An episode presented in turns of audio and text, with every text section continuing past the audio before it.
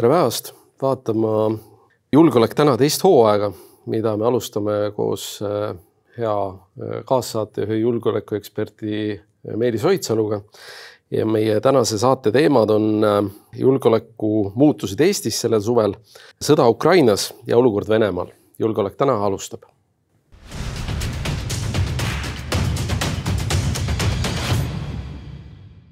Nonii, esimese asjana kohe käime läbi olulisemad sündmused, mis julgeoleku valdkonnas Eestis äh, sellel suvel olid, et äh, Meelis, et üks olulisemaid asju, mis siin suve lõpus kirgi küttis, oli sinu ja, ja Mikk Marrani äh, vaheline selline või, või isegi sinu ja, ja siis mingisuguste julgeoleku ekspertide leeri arvamuste vahetus või põrgatus. kuidas see, kuidas see sulle mõjus? Ma ei tea, ma alustuseks soovitaks sul ka lugeda uuesti mõttega seda Eesti Päevalehe kahekümne kuuenda augusti suure luuretüli ülevaadet ja noh, seal on selgelt näha, et see ei ole ühe isiku ristisõda, eks ole. eks ja, kolleegide vahel, et noh, et mis juhtus mm, -hmm. et vaidlustati Välisluureameti sellist strateegilist ohutaju, noh, Välisluureamet ei suutnud korrektsiooni sisse viia. ja tervikuna noh, küsimus on selles, kas meil tegelikult on strateegilise eluhäiatuse teenus üldse tagatud ja kas selle noh, nii-öelda praeguse teenuse pinnalt on võimalik teha ettevaatavaid, adekvaatseid nii-öelda julgeolekuotsuseid. me oleme siin selles uues nii-öelda julgeoleku olukorras või selles Ukraina sõja olukorras ka käitunud tegelikult kuidagi üllatunult. Järsku on vaja riigikaitsesse rohkem raha panna, et noh, et see kõik viitab sellele, et noh, mingid nihked võib-olla oleksid olukorra tajus pidanud varem olema juba, mis olid iseenesest ilmsed juba eelmisest kevadest, kui Venemaa viis Krimmi lisavägesid, et need jäid nagu olemata, et ma arvan, et see on see noh, vaidluse põhituum siin okei okay. ja ma olen lugenud seda artiklit, eh, natuke tean seda tausta ja, ja ütleme noh, kuvand on tõesti, kuvand on tõesti selline, et see on sinu ja, ja Mikk Marrani vaheline mingisugune arvete õiendamine. Aga... kui sa lähed julgeolekuasutusega kisklema, siis sa pead arvama, sind hakatakse profileerima. noh, veidi üllatuslik oli võib-olla see, et. no meid selles... on mõlemad kakskümmend aastat vähemalt profileeritud. et selles töös osales ka Delfi peatoimetaja, mis on ka ilmekas, noh ja näitab natukene võib-olla meie julgeolekuajakirjanduse võib-olla liigset mm -hmm. etableerumist täpselt samamoodi.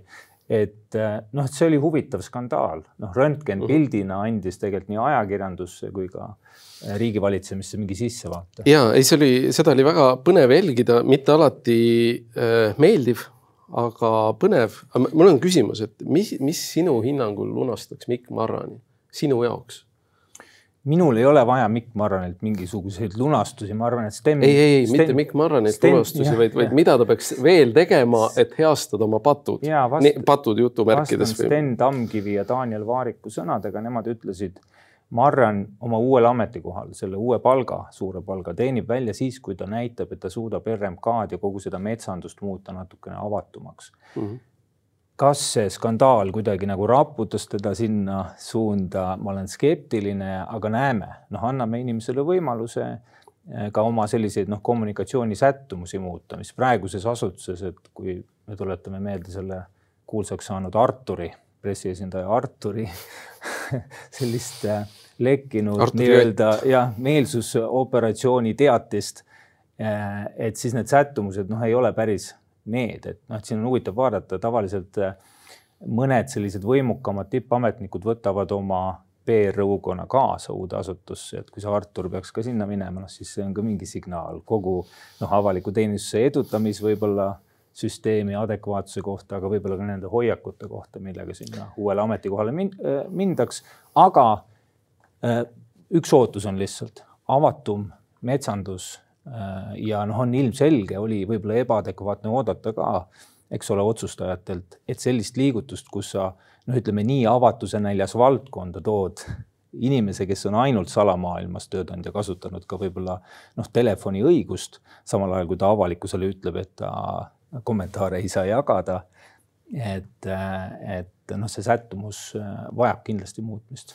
ja ei, Mikk Marrani uue palga osas on olnud kõvasti piikide murdmist, aga ma ütleks, et see on tegelikult naeruväärne, mitte RMK juht ei saa liiga palju, vaid äh, peaminister saab liiga vähe.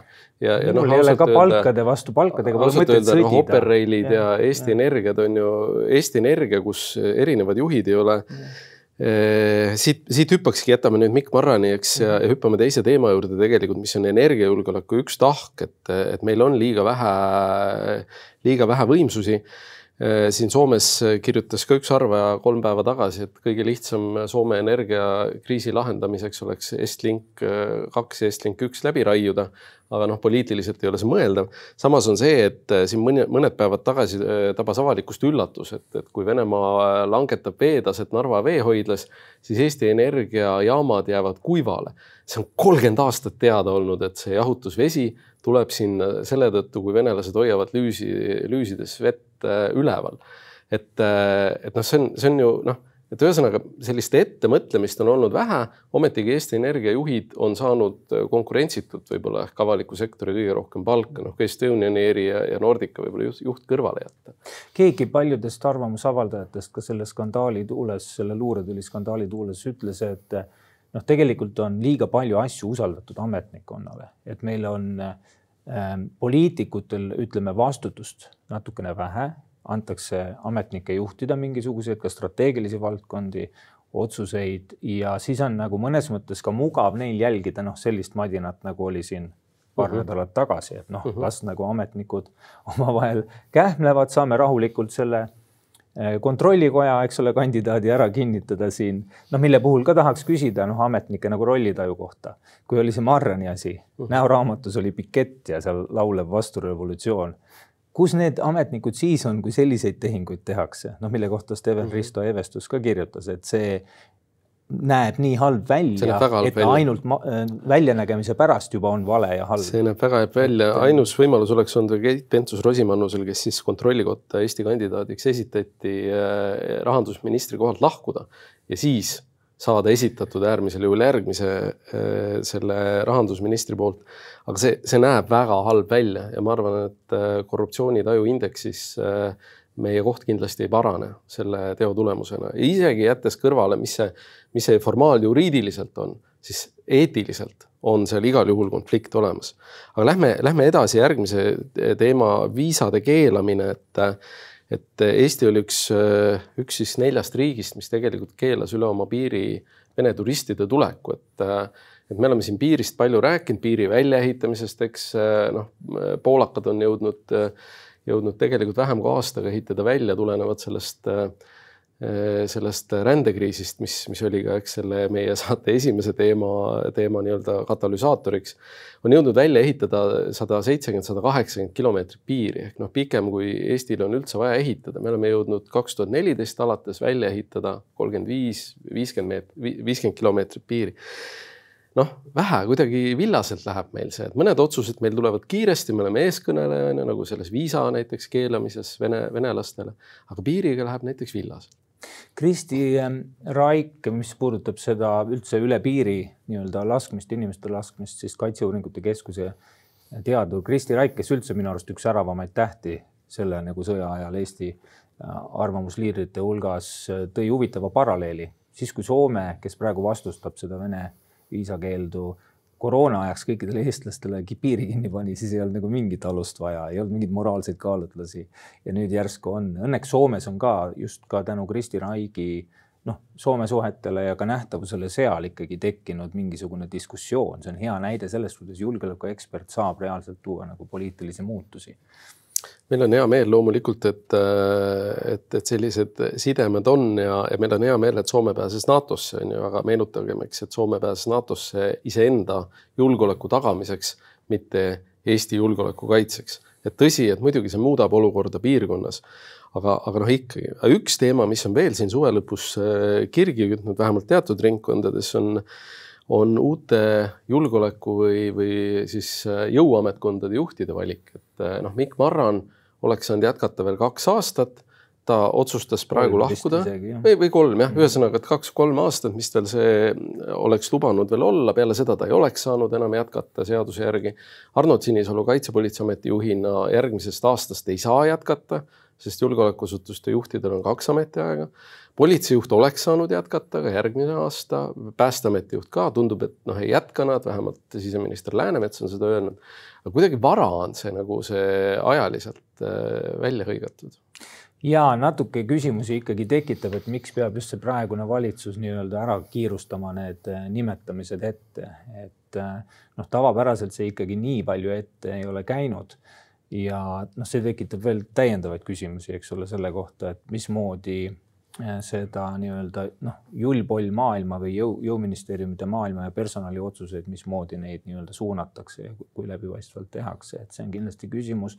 siin Välisluureameti kandidaatide puhul noh, üks huvitav selline küsimus võib-olla Hanno Pevkurile.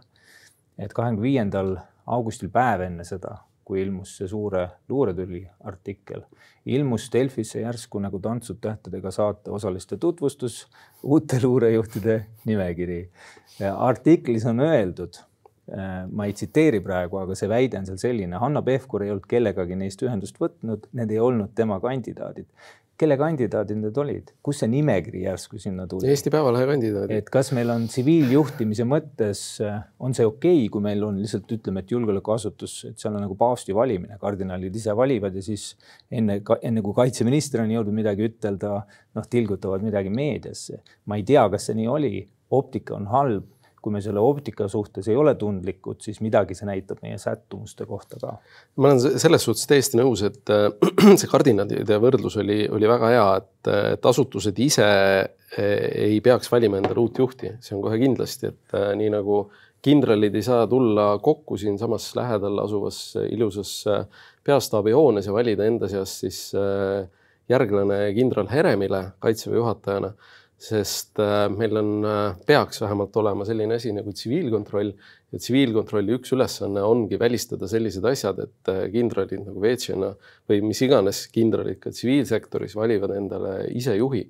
Eestis mõnikord see kipub niimoodi olema ja, ja, ja mõnikord võib-olla see noh, langebki kokku, see arvamus, aga noh, kindlasti see ei saa olla absoluutne, et, et see selliselt toimub kui võtta need korra tulla veel juhtide juurde tagasi, siis noh, Mikk Marran, eks äh, temale tuleb järglane leida, see on nagu selge, ta on otsustanud lahkuda. Äh, äh, päästeameti peadirektori ametiaeg saab läbi järgmise aasta aprillis. noh, politseil mais, kapo juhil juunis ehk et noh, põhjendatud oleks äärmisel juhul Päästeameti juhile järglase määramine ja teiste puhul noh, sest noh, aprillis ei pruugi olla veel uut valitsust, maiks, juuniks kindlasti on uus valitsus ja see tegelikult ei, ei jäta nagu head muljet, sest noh, tuues kaitseväe paralleeli, me täna teame, kes on suure tõenäosusega järgmine ja ülejärgmine, no ütleme, me teame seda ringi, on ju, kes on need äh, neli-viis inimest, kelle seast tuleb ka järgmine ja ülejärgmine kaitseväe juhataja.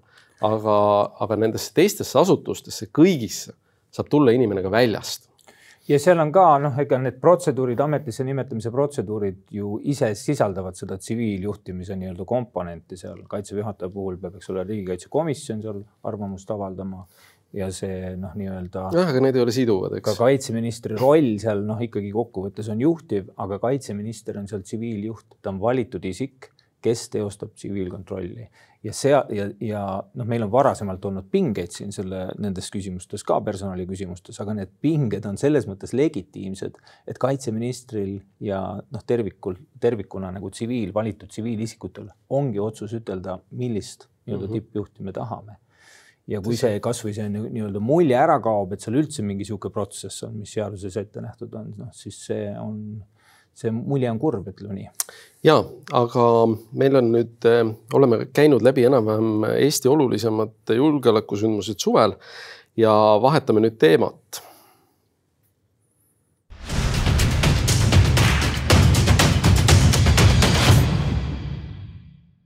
nii jätkub sõda Ukrainas, mis on kestnud juba kaheksa aastat ja, ja pluss, pluss äh, lisaks sinna juurde või hõlmates sinna sisse ka kakssada päeva, kakssada pluss päeva. Ähm, Ukraina on läinud suurele vasturünnakule, äh, vabastanud umbes kuus tuhat ruutkilomeetrit siin viimaste nädalate jooksul, mis äh, ei ole okupeeritud territooriumi arvestades väga suur arv ja mõned eksperdid on ka nagu öelnud, et noh, mis te hõiskate siin Saaremaa, Hiiumaa ja, ja Läänemaa, noh kokku ei ole väga palju. aga noh, ärme unusta seda Kiievi piirkonda, Suume piirkonda, mis ka vabastati äh, selle aasta jooksul, siis kokku see on ikka, ikka noh, tegelikult üüratu territoorium ma arvan, üks asi on see noh, kilometraaž ja see tõesti ei ole kogu vallutatud alasid vaadates ikkagi noh, otsustav veel aga mis seal võib saada otsustavaks, on see viis, kuidas venelased lahkusid, nad lahkusid nagu ameeriklased Afganistanist, kogu kola jäeti maha, noh, ülepeakaela lihtsalt. see on väga hea võrdlus. ja, ja, ja sellega nõrgestati, nõrgestas see taandumine Venemaad rohkem, kui oleks nõrgestanud nii-öelda korrapärane lahkumine ehk siis see auk, mida löödi, ka eliitüksused olid seal Moskva kaitseks mõeldud, seal tankiüksus oli seal mis maha jäeti sisuliselt. et noh, et need kaotused on võib-olla, Vene kaotused on seal olulisemad praegu kui see Ukraina võit. mis tõsi, tuli ka väikese kuluga, sest vastupanu sisuliselt polnud. see oli, see oli huvitav ja et kui siin on öeldud, et me ei näe teise maailmasõja stiilis selliseid eepilisi rünnakuid on ju tohutute tankide ja, ja inim, inimmassidega, siis tegelikult me nägime teise maailmasõja stiilis välksõda ja, ja mis on huvitav paralleel, mille täna just keegi tõi meedias, ma kahjuks olen unustanud algallika, oli, et, et tegelikult ka Natsi-Saksamaa purustas Punaarmee Harkivi all enam-vähem samade võtetega. et, et noh, ka Venemaal räägitakse, et, et need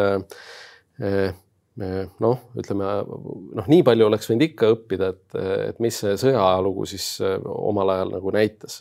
ma ei tea, kas seda otseselt sõjaks saab nimetada, aga üks pool lihtsalt jalgratta selga hüppab tankist ja ära vänt-, minema ventab, aga. saab aga, aga noh, et selge on see, et Ukrainal oli tegelikult ainus üks, ainult üks ülesanne sel suvel. Näidata Venemaale, et nad suudavad mängu muuta. Mm, -hmm. et see toetamine ka pärast lahingupausi, kui ta talvel tuleb, kui ta tuleb, et on mõttekas ja et seal on nagu lootus, see on mõnes mõttes toonud kaasa läänes ka avalikult väljendatud hirmu, et mis siis noh, et Putin on halb kaotaja, mis siis, kui ta päriselt. sinna Venemaa juurde me veel jõuame aga, aga tõsi ta on, et, et noh, ilmselt, ilmselgelt oli ka ukrainlastel soomustehnika hulk on ju piisav selle rünnaku alustamiseks. sõdurite tehnika osas nad on selgelt arvestanud aeg, aegreaga erinevalt venelastest, kes on läinud peale ja siis avastanud, et pole reserve, et ukrainlased on seda kogu aeg teinud, pluss kokkulepped läänes tehnika toomiseks noh, kindlasti üllatusmoment, eks, et Hersoni asemel rünnati üldsegi Hark-, Harkivi piirkonda Äh, äh, reservide kogunemine tegelikult ka lõunasse. Äh, ilmselt on rünnakuga noh, mõistlik on valida, eks, keda sa ründad, et kui sa ründad nõrgemat üksust ja murrad rinde läbi, siis ei jää ka see tugevam üksus enam rindel pidama. kui ka logistika, logistika lõhkumises on muidugi ukrainlastele must vöö ilmselt tänaseks koos ma ei tea mitme TAN-iga ja, ja tegelikult ka see, et ilmselt vasturünnak noh, tuleb aga noh, on selge, et suuremaks, arvestades, kuidas venelased on täna edenenud, noh, kilomeeter haaval, ukrainlased eks sada kilomeeter või kümme kilomeeter haaval, siis selleks ajaks, kui venelased ennast koguda suudavad, on ilmselt käes teede lagunemise aeg, mis tähendab kolonne ja, ja kergemat tegelikult eh, purustust. see on väga volatiilne praegu see olukord seal ja noh, tänagi tuli uudised sellest, et Vene, äh, ukrainlased on Severski, Donetski jõest juba üle läinud ja võtavad nüüd juba Luhanskit otsapidi. et noh, olukord muutub tundidega, raske on öelda, mida seal Venemaa hakkab tegema, selge on see, et nad Harkivis ei olnud ka oma kaitseliine üles ehitanud, mis näitab järjekordselt noh, et seal selle süsteemi nagu mõtlemises on midagi nii ebaadekvaatset ja deliirset selle Vene sõjamasina nii-öelda tarkvaras, et neid üllatusi võib tulla seal veel. et nad on ikkagi noh, venelased selles mõttes üllatanud üha uuesti samasse ämbrisse nii-öelda mitte enam astumisega, no seal on ikkagi on peadpidi sees.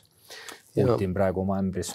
suure tõenäosusega noh, ütleme, räägitakse siin juba Her-, Hersoni suunal erinevatest äh, võimalikest läbirääkimistest, noh, ma ei tea, me, me keegi ei tea tegelikult, kui, kui suurel määral see tõele vastab, et, et Vene väed räägivad allaandmise võimalusest. noh, see võib olla üks rühm, see võib olla mingisugune teistsugune üksus tegelikult noh, täna selle kohta info puudub, aga mingisugused sellised värelused juba käivad. Hersoni puhul juba Twitteris siin äh, kaks kuud tagasi ennustati seda kotti jäämist, sest see oli kuidagi nii ilmne, aga noh, ilmselt venelased Twitterit väga ei loe.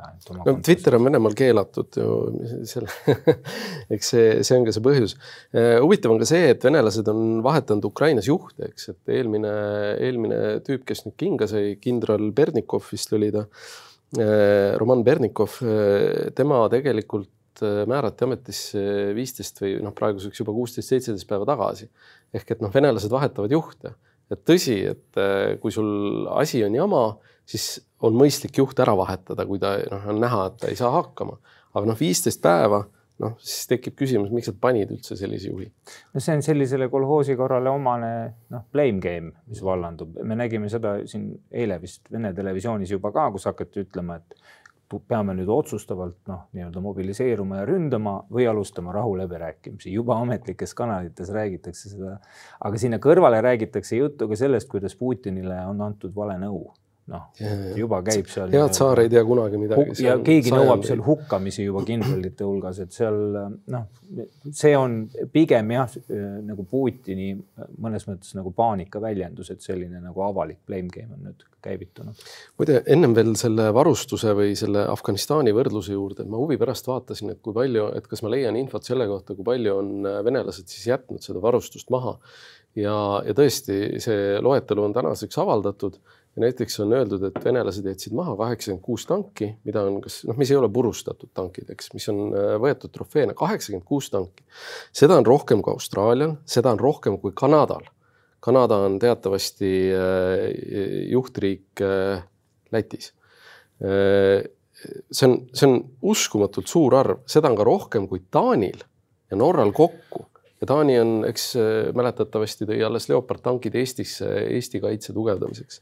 no Kanada on halb referents, et nad ikkagi on oma sõjaväge profileerinud ikkagi rahvusvahelise rahuvalveüksusena, et noh, põhimõtteliselt USA kaitseb neil. tõsi, aga noh, meil on, meil on tegemist nagu kolme NATO riigiga, onju, ma, ma võtsin, seal on muidugi, kui mm. võtta sinna juurde veel. kui võtta Eestiga võrdlus, on veel uhkem Eesti, Läti, Leeduga on võrdlus veel uhkem.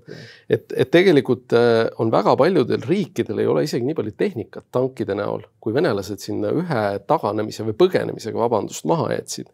ja, ja noh, kui võtta seal äh, seesama kindral Berdnikov, siis äh, tema oli mõnda aega Venemaa vägede juht Süürias ja Vene kindralstab tegelikult väga palju rõhku pani selle Süüria kogemusele või Süüria selle õppetundidele. ja tegelikult näha on, et selle Süüria kogemusega pole neil suurt midagi pihta hakata kui nad noh, see on hoopis teistsugune sõda, see ei ole seda tüüpi sõda, nagu nad pidasid Süürias. ja ongi noh, järjekordselt seal venelaste strateegiline olukorrataju ja ka noh, sõjanduslik olukorrataju oli moondunud, nad alahindlesid oma vastast ja vastase maine oli väga nii-öelda halb nende silmis ja noh, seal Hersonis ka, eks ole, et või Harkivis ka need tagasivallutused, noh, et näitavad, et see jätkub lihtsalt kogu see nii-öelda alahindamine. kas Ukraina avab kolmanda ründesuuna, mis sina arvad? Ma ei tea, vaatame, mida Venemaa teeb. Venemaa puhul sõltub sellest, kui palju ta ise usub oma pikaajalisse edusse, selle usus aitab hästi palju seda hinnata nende tööstuspotentsiaal, palju nad suudavad nüüd oma kadude nii-öelda äh, korvamiseks midagi juurde toota, asendada. Äh, täna tuli kuskil uudis, et Saksa tööstushiiud ei ole katkestanud pärast seda äh, kahekümne neljandat veebruarit oma tarneid seal, treipingid, noh, mingit niisugust hardcore tööstus äh, asjade viimist Venemaale ehk siis sisuliselt noh, osa läänest ka toetab praegu seda Venemaa strateegilist kestlikkust selles operatsioonis äh,. aga noh, tervikuna ongi vaja mõjutada seda kalkulatsiooni, on vaja panna survet peale, sest Äh, sanktsioonid, eks ole, nii kui nad seal kehtestati, öeldi ka, nad hakkavad mõne aja pärast äh, mõjuma, see aeg on nüüd käes. Et nüüd mõnes mõttes noh, äh, tuul puhub praegu läänest, Ukraina sõjaline edu pluss sanktsioonide üha süvenev mõju. aga see tuul puhub ainult senikaua, kuni noh, sakslased sinna vastu ei puhu või, või kuidagi ära ei solgi kogu seda operatsiooni. Tõsi, mina prognoosin muidugi, et ukrainlased teevad mingi järgmise strateegilise üllatuse, kas see on nüüd kolmas ründesuund, on see mingisugune, ma ei tea, allveelaeva põhja laskmine või midagi, midagi sellist me saame äh, peatselt näha, sest ukrainlased on väga osavalt minu arust, mida nad kogu aeg on teinud. Nad ei ole püüdnud konventsionaalselt vastata samaväärselt iga kord, tõsi, nad on kaitsnud väga suurepäraselt oma territooriumi teinud seda noh, ikkagi, kuidas need ameeriklased ütlesid, et nad on pidanud kümne palli skaalal sõda kahe, kaheteist punktile on ju.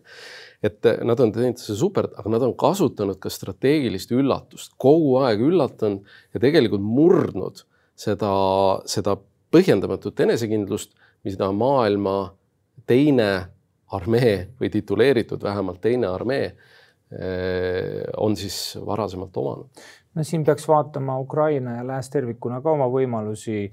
täiesti legitiimne sõjapidamise alus on see, kui teine riik kutsub sind omale appi. Moldova võiks kutsuda mõned Ukraina üksused appi neid rahuvalvajaid, kes äh, on ka Armeeniast, eks ole lahkunud ammu juba, et neid kuidagi koju lähetama, et see oleks rahvusvahelise õiguse kohaselt täiesti nii-öelda adekvaatne sekkumise alus. no selliseid võimalusi tuleb hakata vaatama nagu mhm. strateegilisemas plaanis. Aga sa jõudsid juba tegelikult meie kolmanda teemani. kolmas teema on Venemaa ja, ja vahetamegi nüüd teemat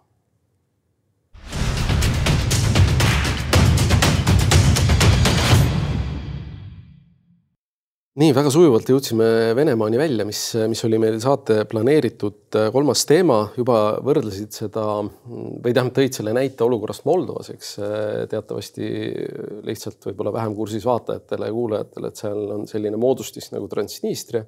üheksakümnendate alguses tekkis, siis sama, samamoodi, sama meetodit taheti kasutada ka Ida-Virumaa eraldamiseks Eestist. üheksakümnendate alguses äh, Moldovas läks see õnneks, Eestis suudeti see ära hoida ja tõesti äh, selles äh, enklaavis äh, toimus nüüd suve alguses terve hulk plahvatusi, et nagu tundus, et olukord hakkab destabiliseeruma, lasti õhku seal mõned raadiomastid, väeosas toimusid plahvatused, kohaliku julgeolekuteenistuse KGB, seal kannab KGB see jätkuvalt nime, peakontorit rünnati granaadiheitjaga noh, mis on sellises äh, nagu totalitaarses äh, suletud ühiskonnas tegelikult suhteliselt noh, see, see näitab tegelikult seda, seda KGB enda taset, et eks see oli nende enda korraldatud. ja, ja nüüd äh, just paar päeva tagasi oli siis Ukraina luureteenistus, sõjaväeluureteenistus äh, kur äh, pani, pani üles siis info selle kohta, et, et ka äh, Transnistrias või Dnestriaarses vabariigis on inimesed hakanud Äh, mõtlema selle peale, et kas ikkagi olla lepingulises suhtes äh, Vene armeega või mitte. ja tegelikult äh, venelastel pidi olema ka seal juba probleeme siis tsiviilpersonali leidmisega oma üksuste teenindamiseks. sest tundub, et ka seal sellised muutuste tuuled on ja noh, jah, Transnistria kohta ma juba ütlesin, see on noh, ta ei ole totalitaarne riik, ta on lihtsalt kuritegelik pande ju, kes on selle üle võtnud ja Tõsi, tegelebki erinevate kuritegevuse liikide võimaldamisega lihtsalt seal oma territooriumil ja selle pealt teenib ka raha andes siis natukene ka, mingi kaitse eest noh, Moskvale ka mingit Obrokit. et see on rohkem sündikaat kui riik seal. tõsi. ja, aga Venemaa seisukohast, kui vaadata suvele tagasi, hästi oluline oli Krimmi ründamine, see, mis toimus seal ühes õhuveebaasis. Äh, sisuliselt läks sellega signaal Vene elanikkonnale, Vene territoorium või see, mida väidetakse olevat Vene territoorium, ei ole ohutu. ja Venemaal tegelikult puudub võimekus ka oma väidetaval territooriumil ennast kaitsta. noh, seal Krimmi puhul on pitsitusvõimalusi veel, kuidas selle paanikaga mängida. ja hästi oluline signaal on see, et läänelt ei tulnud avalikku valulikku reaktsiooni Krimmi ründamisele, sest üks psühholoogiline nii-öelda piir sai nüüd ület-, ületatud.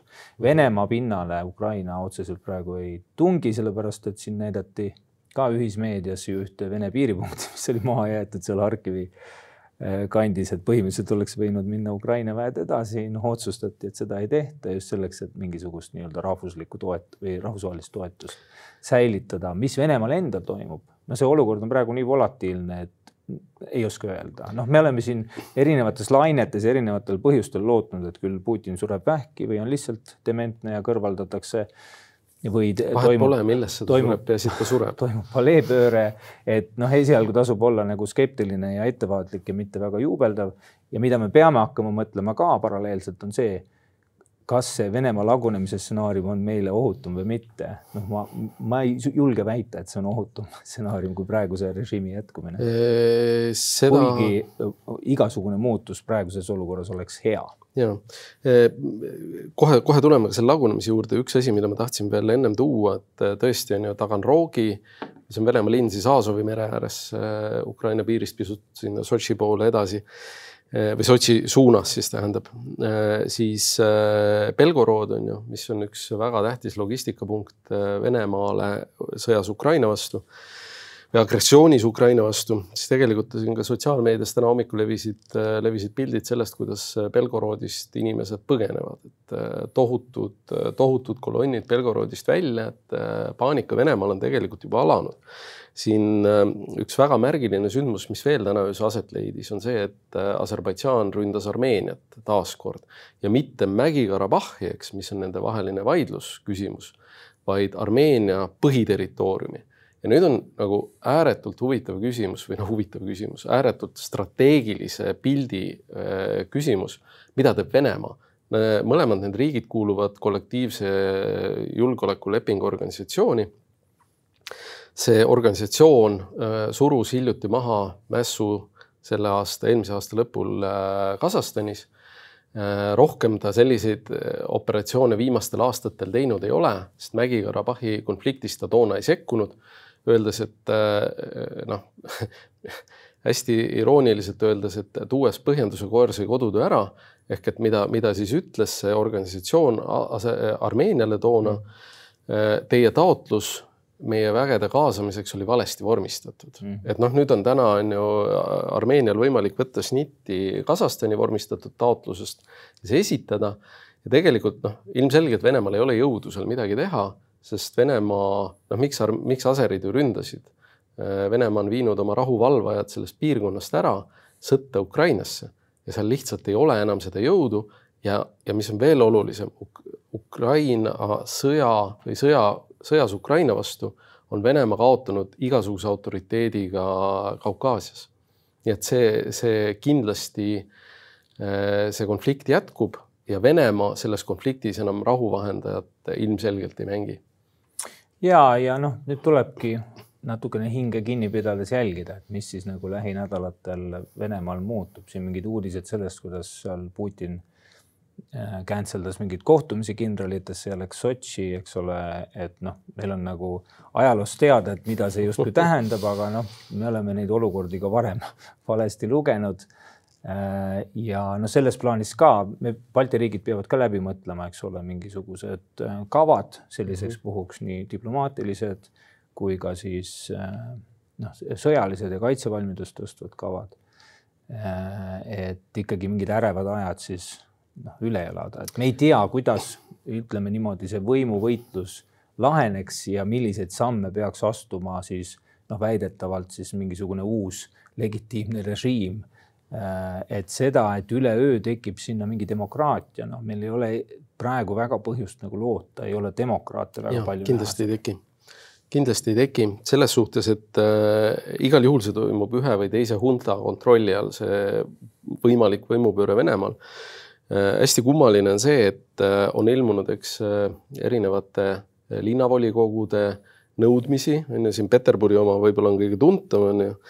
Et mis siis tõi välja, et esite-, esiteks hävitatakse lahinguvalmiduses Vene sõjaväeüksusi, noh, mis sõdades on alati probleem, eks. saadetakse surma tööealisi noori inimesi, kolmandaks kahjustatakse Venemaa majandust. see sõjategevus toob kaasa NATO laienemise, eks, mida me oleme näinud, on ju, Peterbur-, Peterburile väga lähedale. nii lähedal ilmselt NATO ei ole kunagi olnudki Peterburile või noh, ei olegi olnud. Ukraina relvastamine lääne relvadega ja, ja tegelikult Ukraina demilitariseerimine on äh, Äh, noh, kulgenud täiesti vastupidises suunas. Äh, ehk et on mingisuguseid värelusi. ilmselgelt need inimesed on juba kutsutud vestlusele politseis. Äh, kahjuks on tõenäoline, et nii nemad kui nende lähedased saavad järgmise kahe nädala jooksul kuskil Peterburi kangealustes peksa. Mingisugune, mingisugune värelus see siiski on. Ja, ja kui siin on räägitud päris palju sellest, et kas Venemaa kuulutab välja üldmobilisatsiooni või mitte, siis noh, mina küll ei näe, et Venemaa kuidagi kardaks seda, seda teha. Küll nad leiavad selleks mooduse noh, stiilis erioperatsioon. Ja siin on ka levib, levib infot selle kohta, kuidas kutsutakse sõjakomissariaatidesse siis noori mehi igal pool Venemaal ja, ja öeldakse, et pane oma kott valmis võib tulla kutse kordusõppustele ehk et see ei pruugi olla üldse mingisugune, mingisugune üldmobilisatsioon, see on kordusõppus, mis juhuslikult äh, viib need inimesed Ukraina territooriumile. nii et, nii et selles suhtes äh, noh, kõik võimalused on täna laual ja ma olen ka nõus selle, täiesti sellega, et, et Venemaa lagunemine ei tähenda julgeoleku kasvu regioonis alguses, see tähendab julgeoleku kasvu regioonis siis, kui loodev Venemaa Vabariik on esitanud taotluse NATO-ga liitumiseks. Ja no väga lennukaks läheme siin ja võib-olla see ilmestab ka meie joovastust, et me võib-olla noh, selle nii-öelda selles halva Putinile halva soovi, soovimise joovastuse asemel peaksime nagu innustama lääne partnerite joovastust ja natukene tõesti noh, töötlema ka, eks ole, Saksamaad natukene tõsisemalt, et kogu see noh, nende suund või kõik see info, mis on paljastunud ka täna või eile, millal avaldati see info Saksa tööstuse toetusest Venemaale no see on üha jubedam, see pilt ja, ja me kuidagi noh, see, see, me ei problematiseeri seda piisavalt. et, et tulemas on ka, eks ole, noh, erinevad valimised siin noh, USA-s ja nii edasi.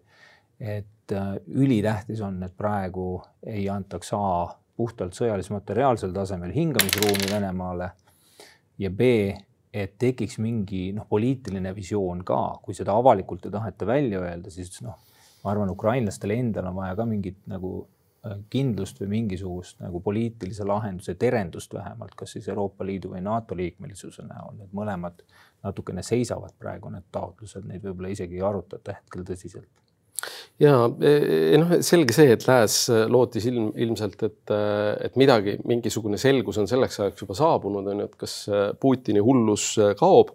noh, näha on, et ei, ei kao ta kuskile, ei ole kadumas.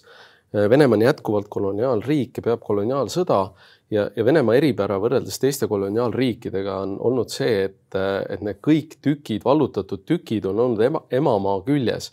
et nii Alaska kui tegelikult seal Ameerika äh, Äh, lääneranniku mõned asulad on kaast-, äh, kaotatud juba sajandeid tagasi, aga ülejäänud see koloniaalimpeerium tegelikult püsib koos, et, et tõsi on ju, et äh, Eesti, Läti, Leedu pääsesid sellest impeeriumist, pääsesid okupatsiooni alt, paljud teised riigid vabanesid sellest.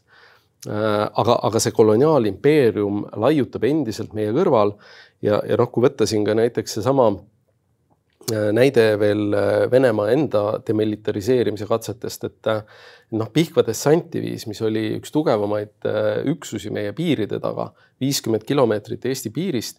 Need suur osa selle, selle diviisi tehnikast on, on sisuliselt hävitatud Te,, tervete polkude kaudu on, on need mehed jõudnud kalmistule Pihkvas või kuskil Ukraina mullas ja, ja tegelikult noh, tekitab see päris palju küsimusi tõesti, et, et kuidas Eesti peaks olema valmis, millised on need stsenaariumid, kui äh, pettunud Vene sõdurid lähevad tagasi koju peale kaotust. Mis siis saab Venemaal? ja neid stsenaariumeid noh, teab ka Putin ja autokraadile üldiselt on kasulikum jätkata sõda ka siis, kui ta on kaotamas, sest see teine olukord on talle noh, eksistentsiaalselt ohtlikum. milliseid vastukäike tehakse, kas tuleb jälle see nii-öelda tuumahirmu jutt, millega noh, läänt on harjutatud ju kogu külma sõja aja tõsises tuumahirmas elasidki nagu tuumasõja mhm. -huh. nii-öelda ohus inimesed.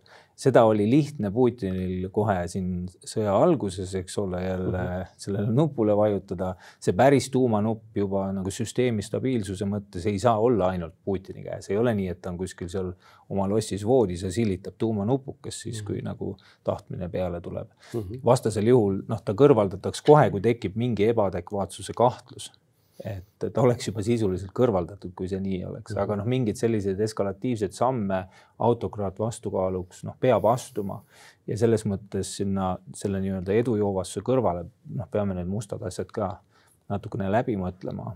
et Tõsi. tuumasõjani see otseselt ei vii, selleks on omad noh, lihtsalt mingisugused sisemised stabiilsusmehhanismid isegi Kremlis olemas, ma arvan aga teine pilt, äh, noh, või, või küsimus on see, et mida Hiina teeb ja vaatab, et kui Venemaa võimalikud arengud annavad mingeid võimalusi neile.